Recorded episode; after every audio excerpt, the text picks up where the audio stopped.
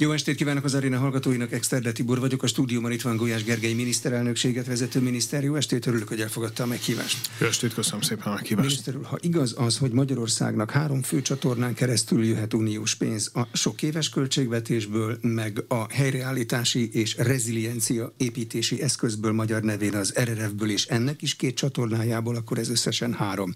Mennyi jött az első, meg mennyi a másik két csatornán eddig?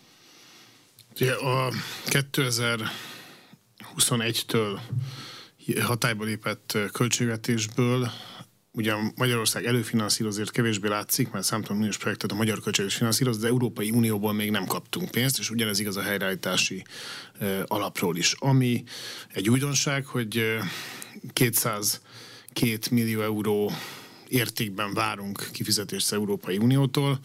Ezeket a számlákat kiküldtük a múlt héten, és azt reméljük, hogy az Európai Bizottság miután minden olyan feltételt teljesítettnek lát, amit mi valóban már régeség teljesítettünk is, és amik csak zárójában jelzem olyan feltételek voltak, amelyeket más országoktól nem kértek, és egy Magyarországgal szembeni indokolatlan és durva kettős mércét alkalmazva tőlünk viszont kértek, de mostanra ezeknek is megfeleltünk, ezért azt reméljük, hogy a 7 éves költségvetésből, tehát a MFF nek nevezett rendes 7 éves költségvetésből a források azok három hónapon belül megindulnak, hiszen a számba kiküldését követően 90 napon belül kell ilyenkor a bizottságnak fizetni. Az RRF-ből sem jött semmi, ezt azért kérdezem, mert a bizottságnak van egy térképe, ami az unió országaiban jelzi, hogy mennyi pénz jött. Magyarországon is van egy vasútépítés, meg talán öt helyen óvoda, illetve óvodaférőhely fejlesztés, és ott összegek is vannak. Ez rendkívül érdekes, mert a helyzet az, hogy valamilyen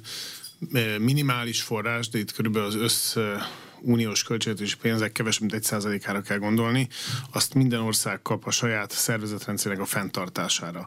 De projektfinanszírozás én tudtam a, helyreállítási alapból nem történt, tehát ilyen pénzt onnan nem kaptunk. Tehát ez a visszanemtérítendő része. A hitel az pedig nulla, az a bizottsági honlap szerint is nulla. Mi Igen, a, a hitelről a tárgyalunk, a hitelről tárgyalunk, azt szívesen vennénk a hitelt, hozzátéve, hogy az elmúlt másfél év bőségesen bizonyította, hogy Magyarország a piacról is fel tud venni hitelt, részben forint kibocsátással is erre van lehetőség. Az állampapírforgalom az elmúlt években rekordot döntött a legnagyobb mértékben. A magyar állampolgárok azok, akik egyébként a saját álmodosságot finanszírozzák, ez rendkívül pozitív változás a korábbi évekhez képest, és hogyha éppen devizakötvényt bocsájtottunk ki, az elmúlt években abból is szép számmal jegyeztek le.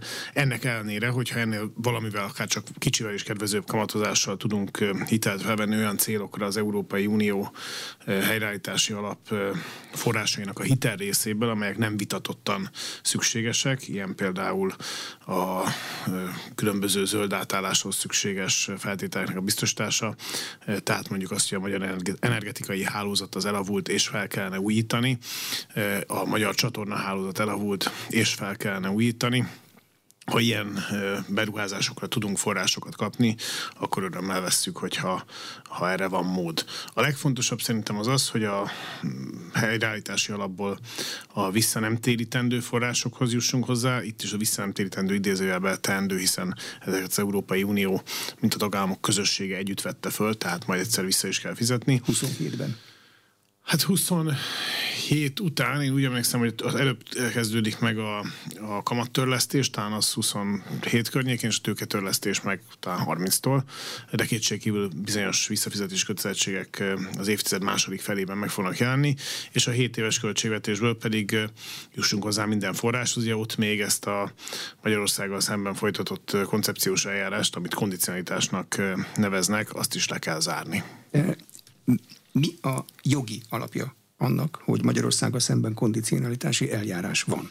Parlamenti döntés, szerződési kitétel, tanácsi megállapítás, micsoda? Hát ha azt a bizottság számára rendkívül hizelgő választ akarom adni, hogy egyáltalán van ennek bármilyen jogi alapja, mert nyugodtan mutattam, hogy semmi, akkor az, hogy született egy kondicionalitási rendelet 2020-ban. Ez parlamenti rendelet ez egy uniós jogalkotásban hozott, tehát együttdöntési eljárásban hozott jogszabály, uniós jogi norma, ez egy, azt hiszem egy rendelet egész pontosan, tehát ebben részt vesz a bizottság is, és részt vesz a parlament is, és részt vesz a tanács is. Majd egyébként született ennek világos értelmezésére az állam és kormányfők között is egy megállapodás, még Merkel kancellár vezetésével. Most ebből a bizottság semmit nem tart be, tehát a jogi alap az ez, de valójában, hogyha valaki elolvassa a kondicionalitási rendeletet, az ezt kiegészítő valamennyi állam és kormányfő által és a bizottság elnök által egyhangulag elfogadott mondjuk értelmezési útmutatást, akkor látja, hogy semmi alapja nincs a Magyarországgal szembeni kondicionalitási eljárásnak, egy politikai bosszú Magyarországgal szemben, azért mert olyan ügyekben, mint amilyen a migráció, vagy amilyen a gender kérdés, vagy az legutóbbi másfél évben éppen a háború és béke kérdése.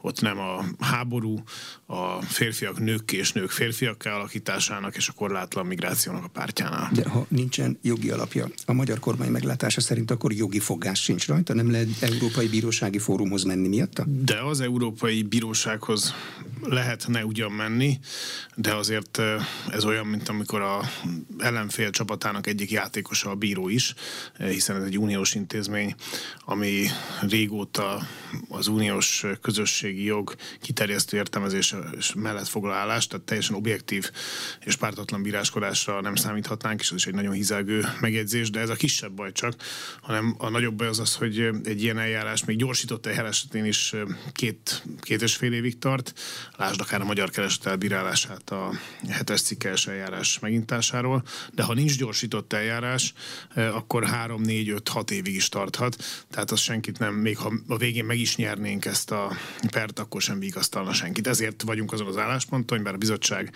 barátságtalan módon, inkorrekt módon a jogot, az közösségi jogot is lábbal tiporva jár el, de ameddig a alapvető nemzeti érdek sérelme nélkül van esélye megállapodásra, addig törekedjünk megállapodásra. Az igazságszolgáltás módosításán, ami történt, az tipikusan ilyen. Káros a módosítás, amit elfogadtunk, rosszat tesz igazságszolgáltásnak, sérti a bíróság függetlenségét, de nem olyan mértékben, hogy egyébként ezt a kompromisszumot ne érné meg megkötni annak abban a hitben, hogy cserébe megkapjuk az Európai Uniós pénzeket. Van további tárgyalás az Európai Bizottsággal arról, hogy a magyar kormány tegyen további engedményeket, vagy most a papírok átolvasása folyik? Ez is természetesen bonyolult, mint az Európai Unióban minden. A 7 éves költségvetés forrásaihoz szerintem most már jó esélyünk van hozzájutni, de persze ez még mindig a bizottságtól függ. Mi készre jelentettük az igazságszolgáltás függetlenségével, bármilyen cinikus az elnevezés, de hát Brüsszelből való ezért ilyen cinikus, függetlenségével kapcsolatos elvárásokat készre jelentettük, miután a törvényt úgy fogadtuk el, hogy az illetékes biztos vissza is jelezte, hogy szövegszerűen megfelel a bizottság igényeinek a módosítás, ezért itt most szerintem reális esélyünk van arra, hogy ezt a részt jóvá hagyják. Ha ezt jóvá hagyják, akkor a költségvetés 7 éves forrásaihoz hozzájuthatunk azzal, hogy ott mondjuk a jövő év második felében, vagy legkésőbb 25 első felében azzal a problémával találkoznánk, hogy miután három operatív programból, ugye a költségvetés operatív programokból áll, három operatív programból, a KEHOB-ból, az ICO-ból és a TOP-ból 55%-ot felfüggesztettek, ezért a kondicionalitási eljárás lezárása szükséges ahhoz, hogy ezekhez a forrásokhoz is hozzá lehessen férni. De ez most még nem effektív probléma, mert még nem jutunk el a kötelezettségvállalásban eddig a mértékig. A többi program 100%-ban leköthető, és a, ezekben a programokban is 45%-ig el lehet menni. És akkor egy külön kérdés a helyreállítási alap. De mit fog csinálni a magyar kormány? Megemeli a saját finanszírozást, mint az agrártámogatásoknál? Hát a magyar kormány eddig is azt csinálta az elmúlt években, hogy előfinanszírozott, most is előfinanszírozunk, és a költségvetésbe beérkezik, tehát a költségvetés kifizeti az Európai Uniós projekteket, legfeljebb van néhány olyan Európai Uniós projekt, amit jövőre indítunk csak el, de, de számtalan most is futó topos pályázat van, számtalan az MFF keretében elindult beruházás van, és amikor a bizottság is kegyeskedik végre kevésbé utálni az egyik tagállamot és fizetni, akkor már megkapjuk ezeket a pénzeket. Van a magyar kormánynak és hát valószínűleg Lengyelországnak is valami érve, további érve ezekben a tárgyalásokban. A bizottság talán egy hónappal ezelőtt további forrásokat kért a tagállamoktól, megemelkedett költségeire, új feladataira, meg a hitel megemelkedett kamataira hivatkozva.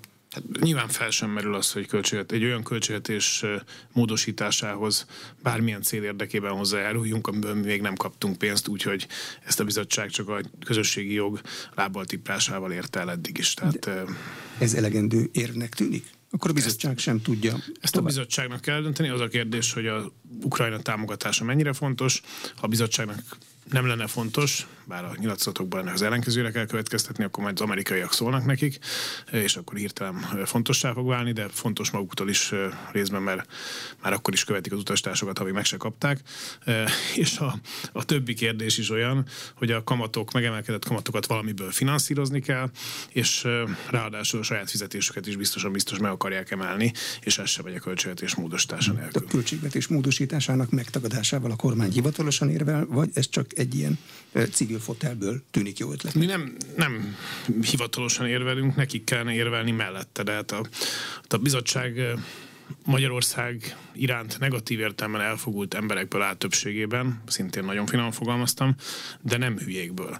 Tehát ezek között többnyire okos emberek, akik ott vannak, és okos emberek olyan ellenségesen viseltetnek Magyarország iránt, de ők sem gondolják rólunk, hogy teljesen hülyék lennénk, ezért azt feltételezni, hogy ahonnan nekünk évek óta, meg a lengyeleknek is évek óta pénz járna, amit ők mindenféle abszolút jogellenes hatalmi arroganciával megpróbálnak megakadályozni, vagy mondhatjuk úgy, hogy hatalmaskodással megpróbálnak megakadályozni, és ennek a költségvetésnek a módosításához mi járuljunk hozzá, adott esetben azért, hogy nem Európai Uniós tagállam az unión kívül kaphasson pénzt, ezt, ezt ők se gondolják komolyan. Tehát le lehet úgy fordítani, hogy addig nem lesz költségvetés módosítás, ameddig a Magyarországnak meg a Lengyelországnak a két ország szerint járó pénzt ki nem fizetik? Ez egészen biztos. Annak van a felelőse, hogy most a az eszköz, az RRF eszköz hitelének kamatai szemmel láthatóan emelkednek. Hát a, természetesen a bizottság felelőssége megvan abban, hogy amikor a majdnem negatív kamatok voltak, akkor nem úgy kötötte le a hitelt, lehet, hogy negyed százalékkal vagy fél magasabb lett volna, hogy az ne változhasson abban az esetben, hogyha a piaci kamatok változnak. Nyilván ezért is mondtuk, hogy először a bizottságnak, amikor újabb pénzeket kér a tagállamoktól, meg befizetést akar növelni, akkor arra kell válaszolni, hogy hova tette a pénzt, hiszen ha Magyarország és Lengyelországnak még nem adta oda, ami neki jár, vagy nekünk jár, akkor, és azért Lengyelország egy négyszer akkora ország, mint Magyarország, és ilyen értelemben a hasonló életszínvonal tekintettel az őket megillető támadás, támogatások is arányosak, tehát négyszer nagyobbak.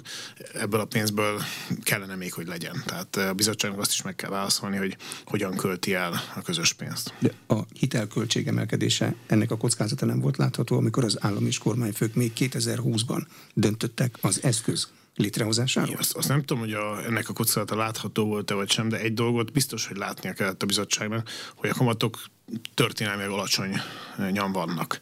Tehát, hogy akkor ők ezt nem fixálták hosszú távon, ez nyilván a, a bizottság felelőssége. A bizottság nyilván látják, hogy mivel ér Mivel ér amikor új pénzt kér, mondjuk a ö, hitel ö, költségének emeléséhez? Hát a kamatok emelkedésével. Ennyit mond és kész? Igen, igen. Tehát amikor mondjuk környezettanulmányt kérnénk a bizottságtól, vagy pedig egy eh, hatásvizsgálatot, amit a bizottság a legpitibb eh, Európai Uniós forrásból megvalósuló programok esetén is igényel, eh, akkor ők ilyenekkel nem tudnak előállni, tehát úgy adunk különböző célokra, adott esetben Ukrajnának is 10 eh, milliárd eurókat, hogy eh, ilyen jellegű előzetes tanulmányok nem készülnek. De azt látja a magyar kormány és ön, hogy hol tart az RRF eszköz Európai Uniós megvalósulása, mert amikor Magyarországra kérdeztem rá, akkor azt hogy meglepi, hogy Magyarországon óvoda felújítás, meg egy vasútvonal felújítás ebből zajlana. Igen, tehát Magyarországon olyan értelemben ilyenek zajlanak de nem ebből. Előfinan, hát RRF előfinanszírozás. Tehát úgy írtuk ki a programot, ez lehet egy megfejtés, csak ez nem uniós pénzt jelent, hogy a magyar költségvetés előfinanszíroz. De egy fillért sem kaptunk Brüsszelben, ezt a több esetben is, igen. De, de ez így volt az előző hét évben, és hát önmagában ezzel nem volt baj, mert miután a bizottság mindig is bürokratikusan és lassan dolgozott, ezért már 10 kettő-háromban legkésőbb megszületett az a döntés, hogy előfinanszírozzuk a különböző Európai Uniós projekteket, mindazokat a fejlesztéseket, amit uniós pénzből, vagy nekünk járó uniós pénzből akarunk megvalósítani, és utána ezek beérkeznek Brüsszelből. Fél év, egy év, két év, két és fél év késéssel, de beérkeznek. Ez volt a rend. Tehát most is olyan fejlesztések vannak, amiket majd az RRF-re akarunk elszámolni, csak még egy fillért se kaptunk belőle. Hm. Akkor értem, akkor nem annyira részletes a bizottság térképen, hogy ezeket a e, csak feltételeztem, mert én ezt a térképet nem láttam. Lát szándékot a bizottságban arra, hogy a lengyelek lengyelországi, e, meg a mindkét országban zajló európai parlamenti választások előtt kifizessék a pénzt? Nem. Nem. Tehát én szerintem a reális az az, hogy és itt visszatérünk a kérdés lényegéhez, jogi probléma van, vagy pedig politikai. És miután nem jogi a probléma, hanem politikai, azért a megoldás sem jogi, hanem egy politikai döntés kellene. Tehát mindaz, amit ma Magyarországtól bármilyen területen kérnek, az, hogyha csinál valaki eh, politikai szimpátiától, pártállástól függetlenül egy objektív összehasonlító vizsgálatot Európában, akkor látni fogja, hogy a bizottság kér, az abszurd. Az olyan mértékű mindenféle uniós jogi szabályt lábbal tipró hatalmaskodás, amire nem nagyon volt példa a, az elmúlt évtizedekben. Ezért tehát ők holnap is azt mondhatnák, hogy Magyarország és Lengyelország minden rendben van. Azért nem mondják, mert azok a kormányok, akik itt nem hajlandók behódolni mindenben a brüsszeli akaratnak, különösen így van ez most a háború és béke kérdésében, gender ügyekben, migráció ügyében, tehát ezekben az ügyekben nem hajlandók egy követ fújni a mai nyugat-európai liberális irányzattal, azokat kell megbüntetni. Joghoz nincs közös, mert politikai döntést igényel, ezért nyilván bizottságban reménykedik, hogy a jelenlegi lengyel kormányt adott esetben európai segítséggel is, de sikerül megbuktatni. És akkor egy másik helyzet áll elő. De mi ebben a politikai logika Magyarország esetében? A magyar kormány meg a brüsszeli konfliktusok azok nem erodálták a magyar kormány teljesítményét, négyszer csinált kétharmadot. És végig konfliktusok voltak. Kétségkívül így van. A jelenlegi helyzetben szerintem a lengyel választás azért is kulcskérdés, de hát meglátjuk utána. Én azt tudom mondani, hogy szerintem a lengyel választás, miután most már három hónapon belül van, ezért a bizottság meg fogja várni, hogy milyen lengyel választás eredmény, és aztán eldönti, hogy 90 napon belül, ami még jogszerű a számlák kiküldéséhez képest teljesít-e kifizetést vagy sem. Olyan egyszerű volna, hogyha a bizottságnak tetsző lengyel választás van, akkor 90 napon belül ott a pénz. Fordítva. Fordítva ha, len, ha bizottságnak nem tetsző. Uh... Igen, tehát hogyha nem Magyarország nem marad egyedül, mert legyünk őszinték a lengyelekkel, lehet, hogy van néhány kérdés, éppen aktuálisan a háború kapcsán, amelyben vitánk van egymással, de alapvetően a két kormány az tudja, hogy számíthat egymásra. Ezért a bizottság taktikája nagy valószínűséggel az, de erről őket kell megkérdezni, viszont nem érdemes, mert őszintén úgyse fognak rá válaszolni, hogy marad Magyarországnak egy olyan fontos szövetséges, ami megkérdőjelezhetetlenül kiáll mellettünk, vagy sem. És ha marad, akkor jobb lesz a megegyezést keresni. És akkor ez azt jelenti, hogy Magyarországgal is megegyezést kell keresni. Így Tehát ebből a szempontból a lengyelekhez vagyunk kötve. Vagyis hát Bizt, egy, egymáshoz a, vagyunk kötve. Egymáshoz vagyunk kötve, hogy, hogy ez a kötöttség milyen erős, azt nem tudom, nem tudom, hogy a kötöttség jó szó, de az biztos, hogy ma ez a két ország és ez a két kormány egymást nagyon nagy mértékben tudja segíteni, és azáltal egymás pozícióit is nagyon nagy mértékben erősíti. Egy cipőben járunk, az jobb úgy?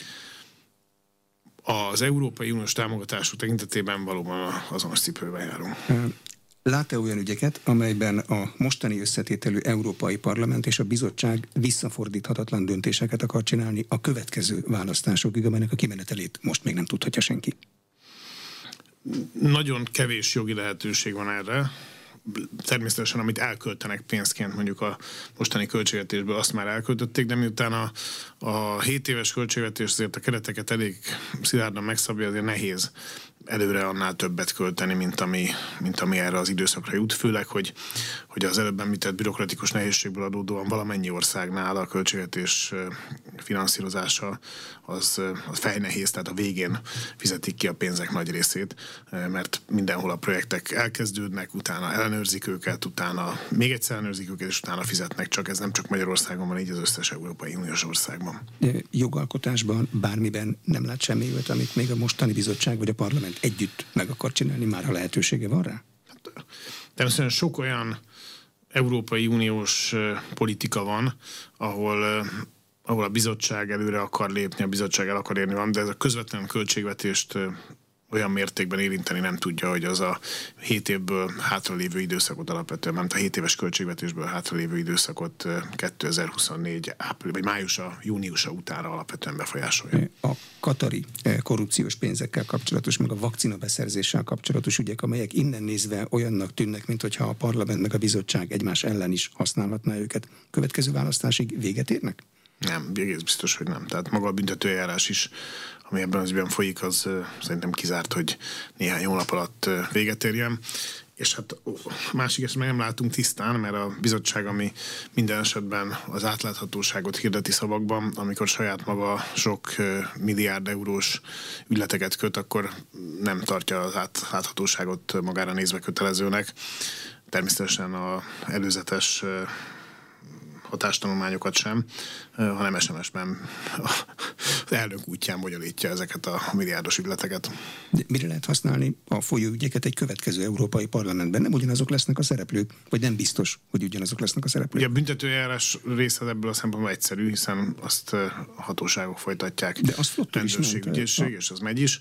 Egy ennél mondjuk normálisabb többséggel rendelkező parlament, mert itt most már nem is csak jobb baloldal kérdése van, hanem a józanészhez való viszony, hiszen a mai parlament tagjainak jelentős többsége nem vádolható azzal, hogy közeli viszonya lenne a józanészhez. Tehát, hogyha ez megváltozna, akkor arra lenne jó, hogy kivizsgáljuk ezeket az ügyeket, tehát egy normális parlamenti politikai vizsgálat is kövesse azokat a botrányokat, amelyeket egy jól működő demokráciában biztos, hogy politikai következmények is követnének. Kiket lát a józanész pártján ülni az Európai Parlamentbe? Hát egyértelműen a jobb oldalnak a a néppártól jobbra lévő részét. Nyilván ott van néhány szélsőséges párt is, akiket nem sorolnék ebbe a körbe, de nem félrejtős nem azokra használom a szélsőséges jelzőt, akikre ma az európai zsurnalizmus használja, mert gyakorlatilag mindenki szélsőséges, aki még nem tagadta meg azt, hogy nem csak Európához, hanem egy nemzethez is tartozik.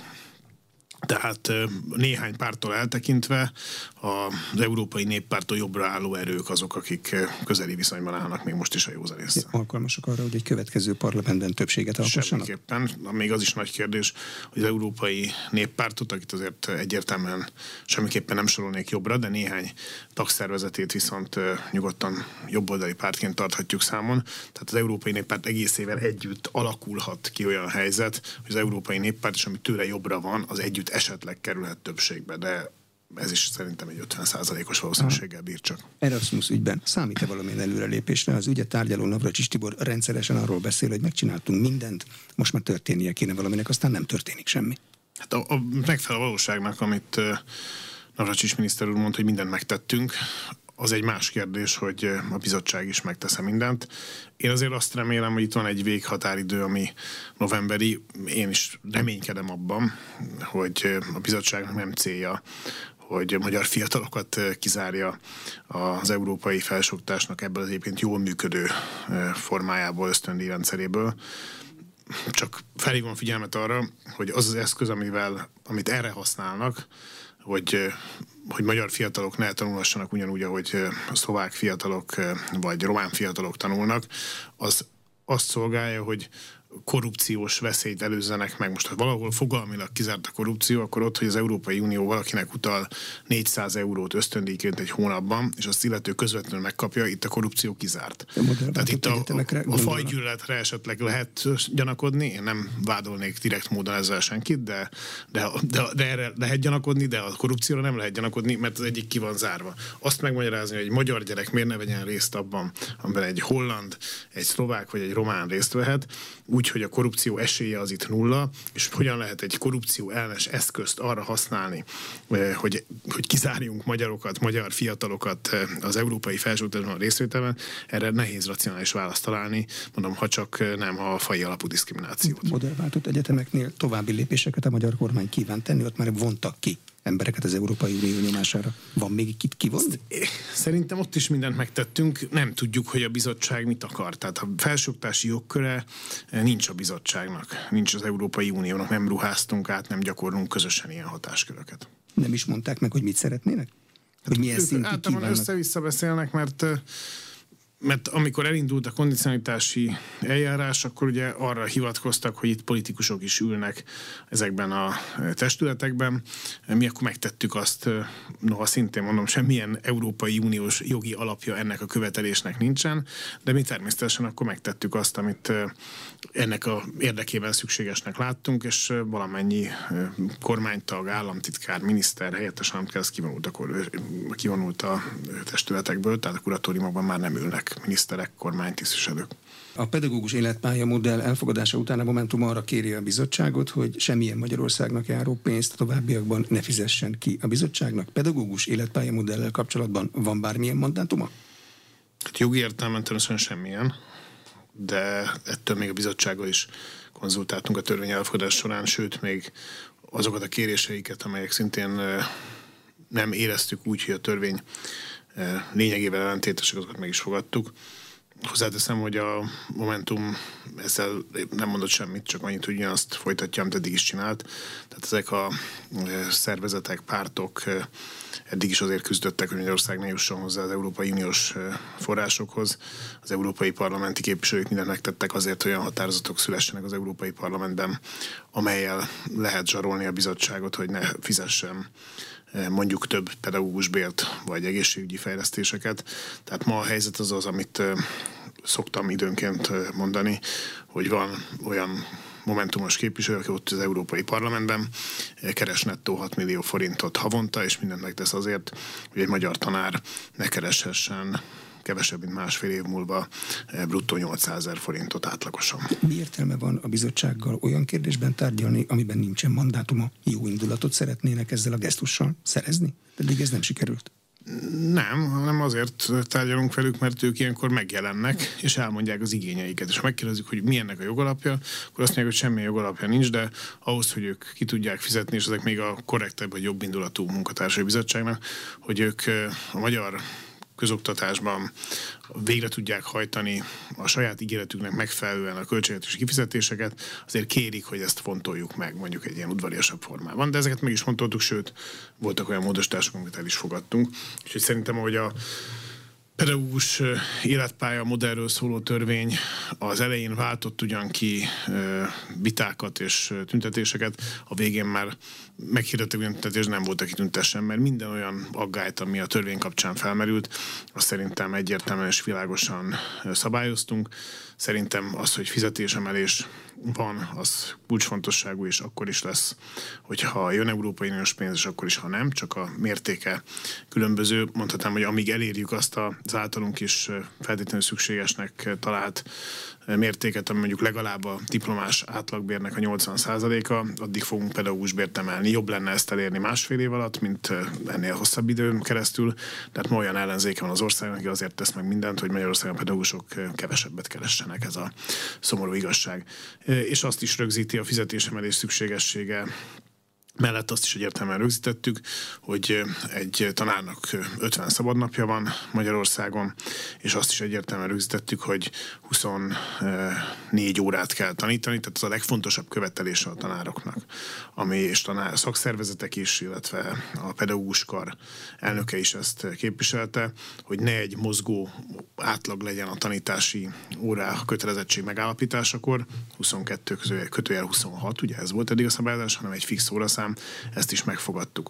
Tehát nem véletlenül eh, mondom a végére az egész tiltakozásból már csak a tanárok maradtak ki, mert szerintem az az életpálya modell, amit elfogadtunk, az egy megfelelő keret az oktatáshoz, és ami egy valós probléma, és a legsősabb probléma az az, hogy magasabb bérekre van szükség. Pedig jó lenne, hogyha a magyar baloldal nem a régi eh, szokásait felvenítve a saját hazája ellen dolgozna, beleértve a saját hazájában oktató pedagógusokat, gyógyító orvosokat, hanem azért, hogy nekik is mielőbb jobb fizetésük legyen, ne csak annak a néhány momentumos képviselőnek, aki nettó 6 milliót keres az Európai Parlamentben. Június 8-án jelentette be a svéd migrációügyi miniszter, hogy a tanács megállapodásra jutott a legfontosabb menekültügyi és migrációs jogszabályokról, és majd ezzel fognak menni a parlamentbe. Ebbe a tanácsi megállapodásban azt szerepel, hogy egy országot se lehet áthelyezésre kötelezni. Van egy ilyen szolidaritási elképzelés benne. Ez változott meg úgy, hogy migráns gettókat kívánnak létrehozni? Nem, ez, ez van, ez olvasható ki ebből a szabályozásból, ami még tovább fog romlani, hiszen az Európai Parlament az uniós intézmények közül, amelyek migráció barát intézmények, a leginkább migráns barát az Európai Parlament. És most az történt, hogy a tanács elfogadott egy tervezetet, ez a tervezet ilyenkor egy trilógusnak lesz majd az áldozata, tehát az Európai Parlamenttel kezdődik egy egyeztetés, ahol az Európai Parlament be is jelentette minden mértékadó frakciója, hogy még a néppárt is, bár ők kétségkívül finomabban, de a baloldali, zöld, szocialista, kommunista frakciók pedig teljes egyértelműséggel, hogy ők egy alapvetően még ennél is megengedőbb szabályozást akarnak elfogadtatni. Pedig azt illeti, hogy van-e kötelező elosztás, vagy nincsen, Elvileg természetesen nincsen, de a gyakorlatban valaki nem vesz át migránsokat, akkor 20 ezer eurót kell fizetni minden migráns után. Tehát a fejpénz volt ilyen az elmúlt évszázadok európai történelmében, de az Ceausescu Romániájában volt. De mi a magyar kormány stratégiája ebben az ügyben? Nemet mondani, vétózni? A, végtelenségig. A végtelenségig. Természetesen. Tehát addig, amíg egy teljesen új menekültügyi rendszert létre nem hozzuk, ez váltaná le a megbukott Dublini rendszert. Igen, de a, ez a rendszer még tőlünk politikai nagyon távol álló, de logikus gondolkodásra képes politikusok is elismerik, hogy ez így, ahogy van működésképtelen. Ők azt mondják, hogy de tettek egy lépést a jó irányba. De itt az a baj, hogy a, a kis lépés, meg a egy helyben maradás között a hatásokat tekintve, a migráció megakadályozását tekintve érdemi különbség nincsen.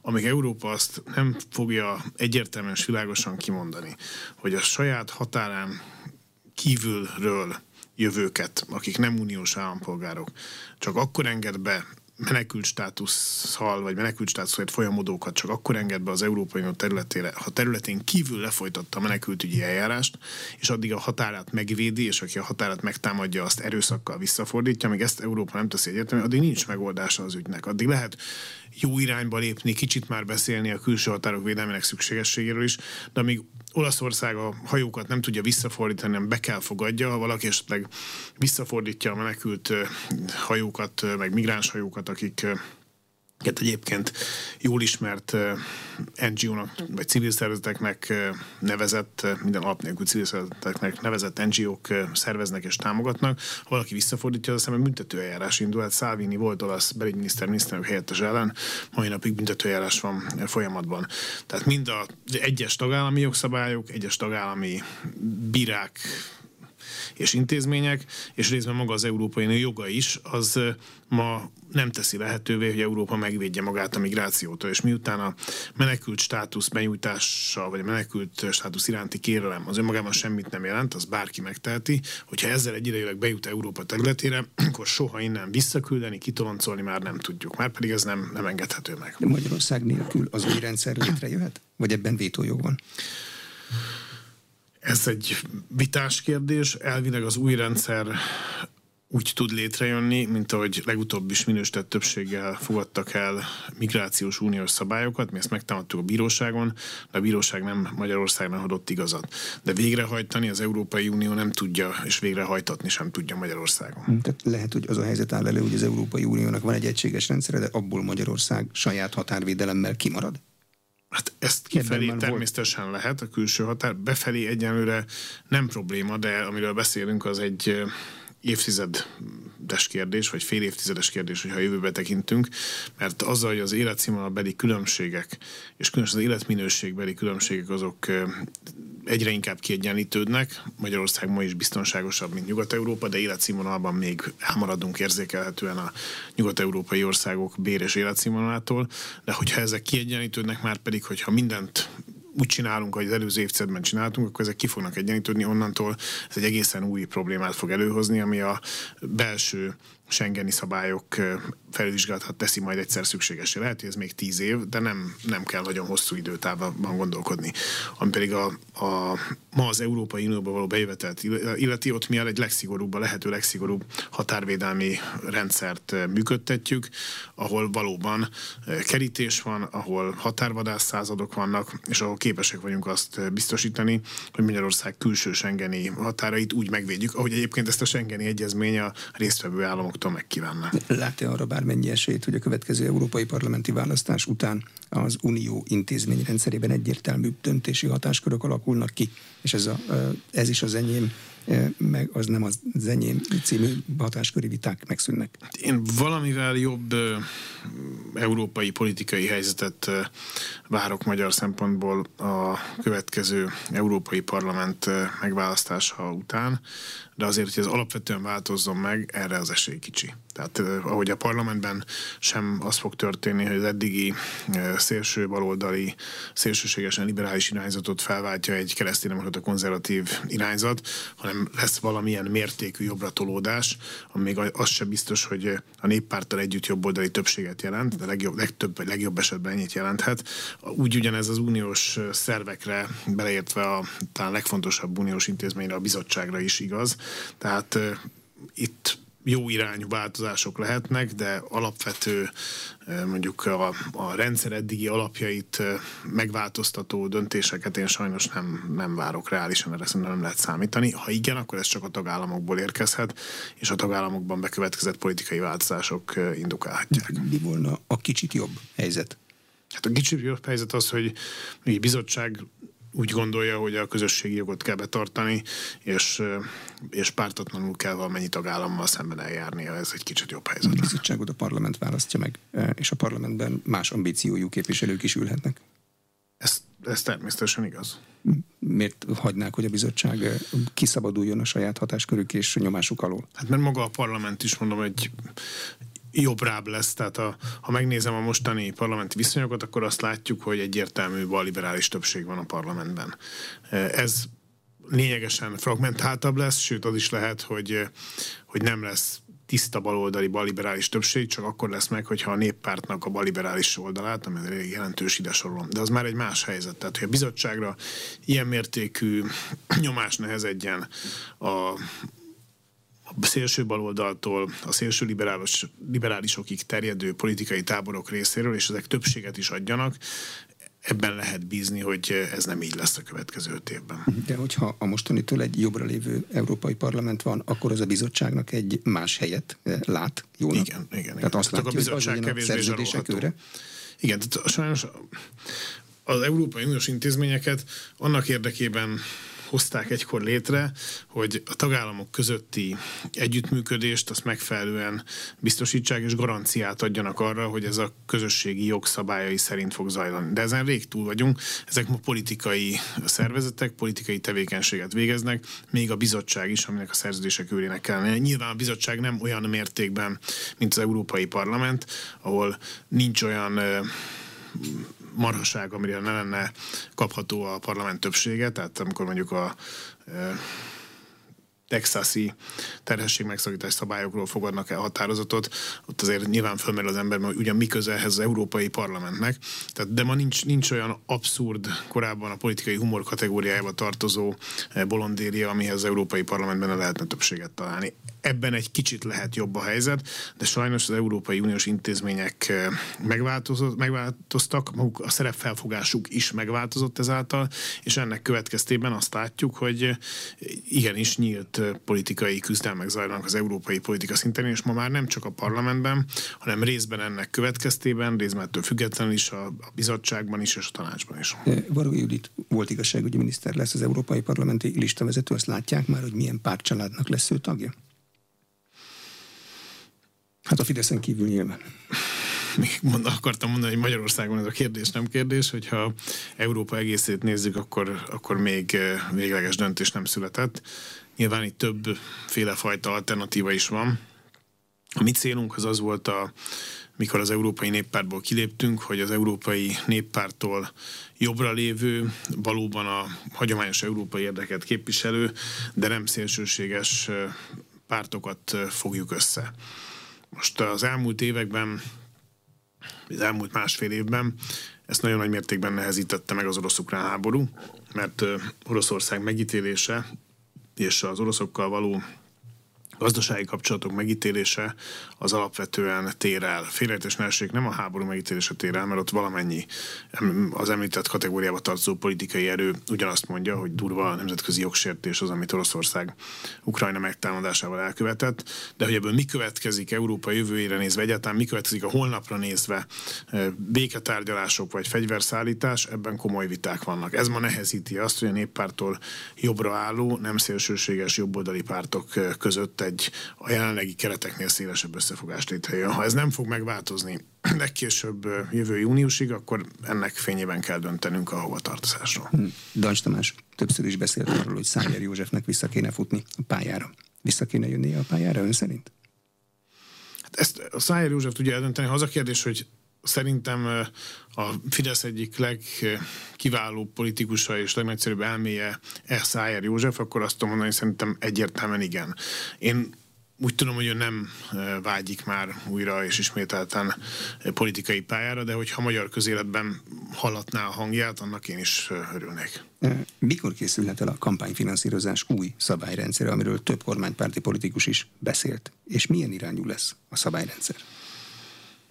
Szerintem egyszerűnek kell lennie és világosnak, és az attól kell, hogy megúvja az országot, a politikai pártokat, és elsősorban a választópolgárokat, hogy külföldi befolyást lehessen szerezni pénzzel. Tehát úgy tűnik, hogy az ezzel kapcsolatos magyar szabályozás az nem kielégítő vagy kiátszható, és azért azokat a kiskapukat be kell zárni, amelyek azt tették lehetővé, hogy például a 2022-es kampányban mindeddig érdemi következmények nélkül az ellenzék kampányának szerintem jóval több, mint felét, de még az is lehet, hogy több, mint háromnegyedét Amerikából fizessék ki. De kijátszhatatlan, meg lehet csinálni a törvényt. Ugye nem a pártok kapták, hanem Márkizai Péter mozgalma. Igen, de ez a mozgalom, ez olyan mértékben volt része a baloldali összefogásnak, hogy még a plakátokon is szerepelt. Tehát természetesen az nehéz, és talán nem is biztos, hogy kell szabályozni, mindenféleképpen nagyon nehéz szabályozni, hogy a közéletben véleményt formáló szervezetek ne juthassanak külföldi pénzhez. Mert ez ez mindig egy kényes kérdés. Talán jobb lenne, hogyha ha lehetne ilyen szabályt hozni, és ez, és ez egyértelművé tenné, hogy a magyar közéletben nincs olyan jellegű beavatkozás, ami külföldi támogatás miatt fogalmaz meg egy-egy véleményt. Ez, ez a magyar közéletet eszményi magasságokba emelni, de miután ezt a célkitűzést nehéz elérni, és az Európai Unión belül talán nem is lehetséges, ezért azt viszont minimális célként ki kell tűzni, amit valamennyi tagállam szabályoz, ez Európában és mindenhol a szabad világban, a legszigorúbban egyébként éppen az Egyesült Államokban, hogy külföldről ne lehessen befolyás, befolyást vásárolni.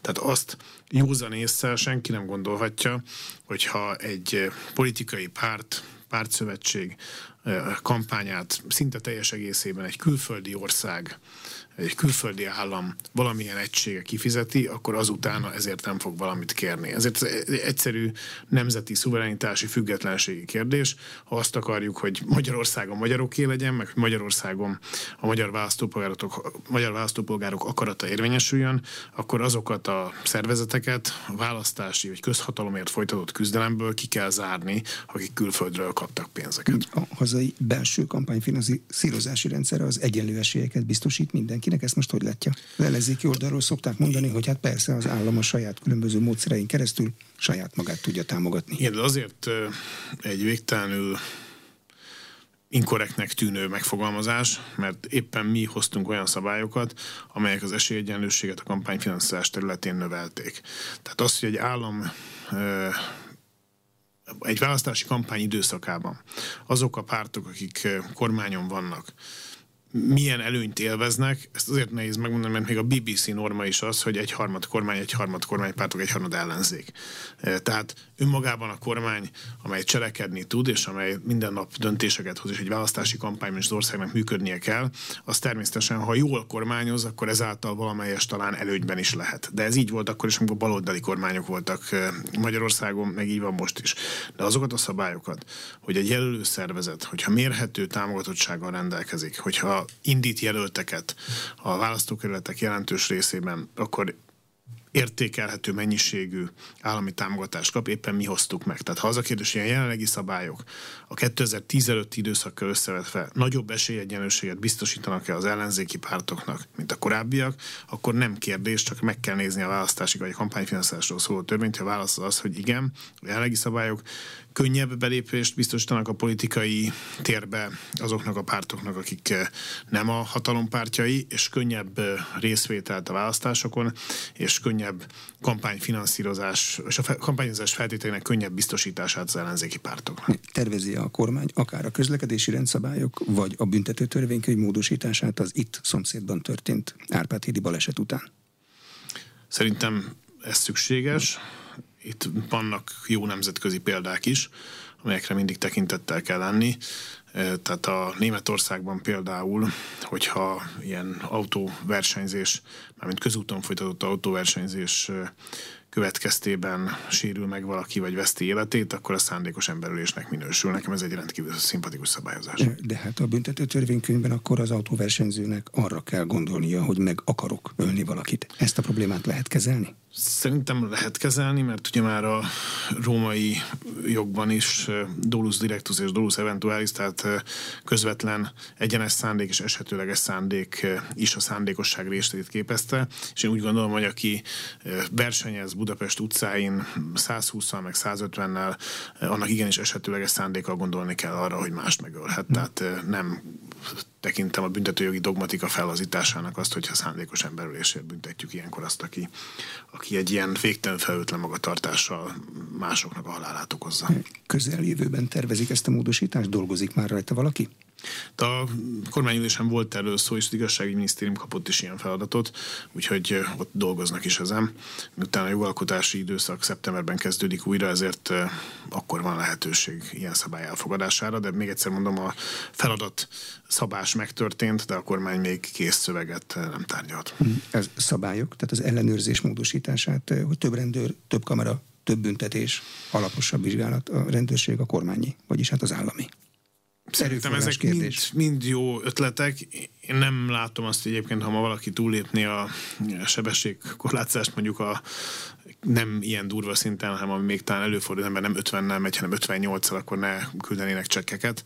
Tehát szerintem ha a magyar állampolgárokat megkérdezzük, hogy sok vagy kevés trafifax van-e az országban, inkább azt fogják mondani, hogy sok és nem kevés. De azt is fogják mondani, hogy azokat sosem kapják el, akik 150-nel mennek, csak engem, aki 55-tel megyek. Lehet, hogy van ilyen kollektív érzékelés, de az nem biztos, hogy ez, ez, ez az érzékelés objektív. A lényeg az, hogy ha azokat elkapják, azokat nagyon szigorúan kell megbüntetni. E, folyik-e most intézményesített párbeszéd a fővárossal, vagy most már mindenki a kampányra készül? Hát a főváros hosszabb ideje a kampányra készül, ezt ezt különböző ügyekből látjuk, de természetesen az önkormányzati részlege is van a kormánynak, a belügyminisztériumon belül, tehát önkormányzatokkal való egyeztetésnek megvan a helye és terepe, és egyébként más miniszterek is azért ebben részt vesznek, tehát én nem akarom senkinek a találkozóit mondjuk a miniszterek közül nyilvánosságra hozni, hogyha a főpolgármester ezt nem tette meg, de nyilván, hogyha a főpolgármester egy miniszterrel akar találkozni, akkor ezt az elmúlt években is meg tudta tenni. Van egy közfejlesztési tanács, amit még Tarlós István idején hoztak létre, az egy ideig működött, de most erről nem nagyon jön hír. Ez megy még?